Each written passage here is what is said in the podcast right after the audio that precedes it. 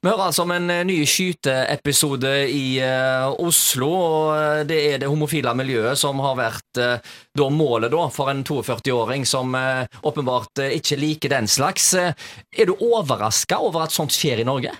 Ja, det er jeg.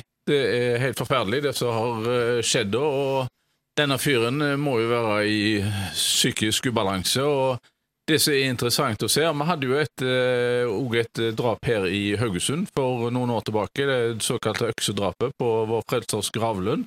Hvor det er en person altså, som er i psykisk, psykisk ubalanse. og Det en må liksom, stille spørsmål ved, det er jo altså hvordan er det samfunnet tar vare på si, de som er i psykisk ubalanse, men òg beskytter uh, allmennheten mot sånne personer som det. Så eh, det må en jo mer eh, nå drøfte, fordi eh, jeg er jo mer nå spent på å høre hvilken helsetilstand denne eh, personen er i, som har gjort noe sånn som det. Det er jo forferdelig tragisk at vi må oppleve sånne ting som det. det Ja, For noen år siden så var det jo en del terrorangrep bl.a. i Frankrike som fikk mye internasjonal oppmerksomhet. og Det var jo mer terror i ordets rette forstand igjen. Planlagt terror hvor flere var organisert Ja. i et angrep. Det er det jo ikke snakk om her.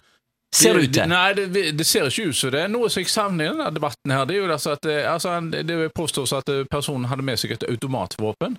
Og nå har vi jo nettopp hørt, og vi har ristet på hodet over det som skjer i USA, om at eh, det skjer eh, Masseskyting. masse med automatvåpen. Og du lurer på hvor i all verden er det folk får tak i et, et, et sånn automatvåpen i Norge? Vi har jo så strenge våpenlover.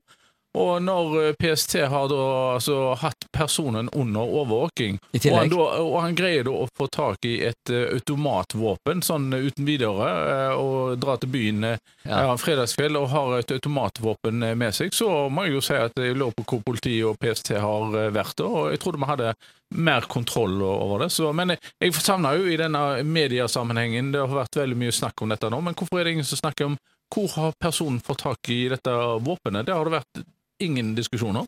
Nei, men altså I det kriminelle miljøet så vet vi jo at det omsettes en del eh, våpen. Sånt er det jo overalt i verden. Eh, Klarer de å omsette og smugle inn og ut eh, narkotika, så gjør de vel det med våpen òg. Jo, men dette er jo en person som PST påstår at de har hatt under overvåking. De har Ja. hatt han inne til samtaler, da, så Allikevel ja, skal han få tak i et automatvåpen. Ja.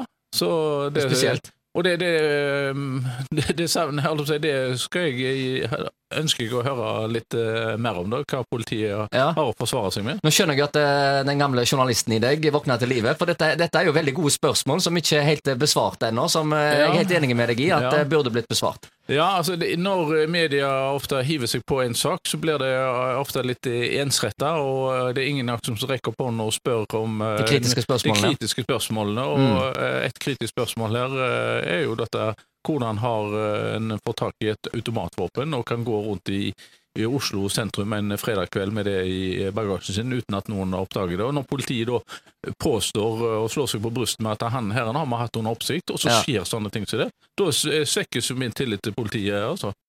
Tor Inge Vormedal er med meg igjen i studio om eh, få minutter. Vi skal snakke mer om dette temaet. Vær med oss.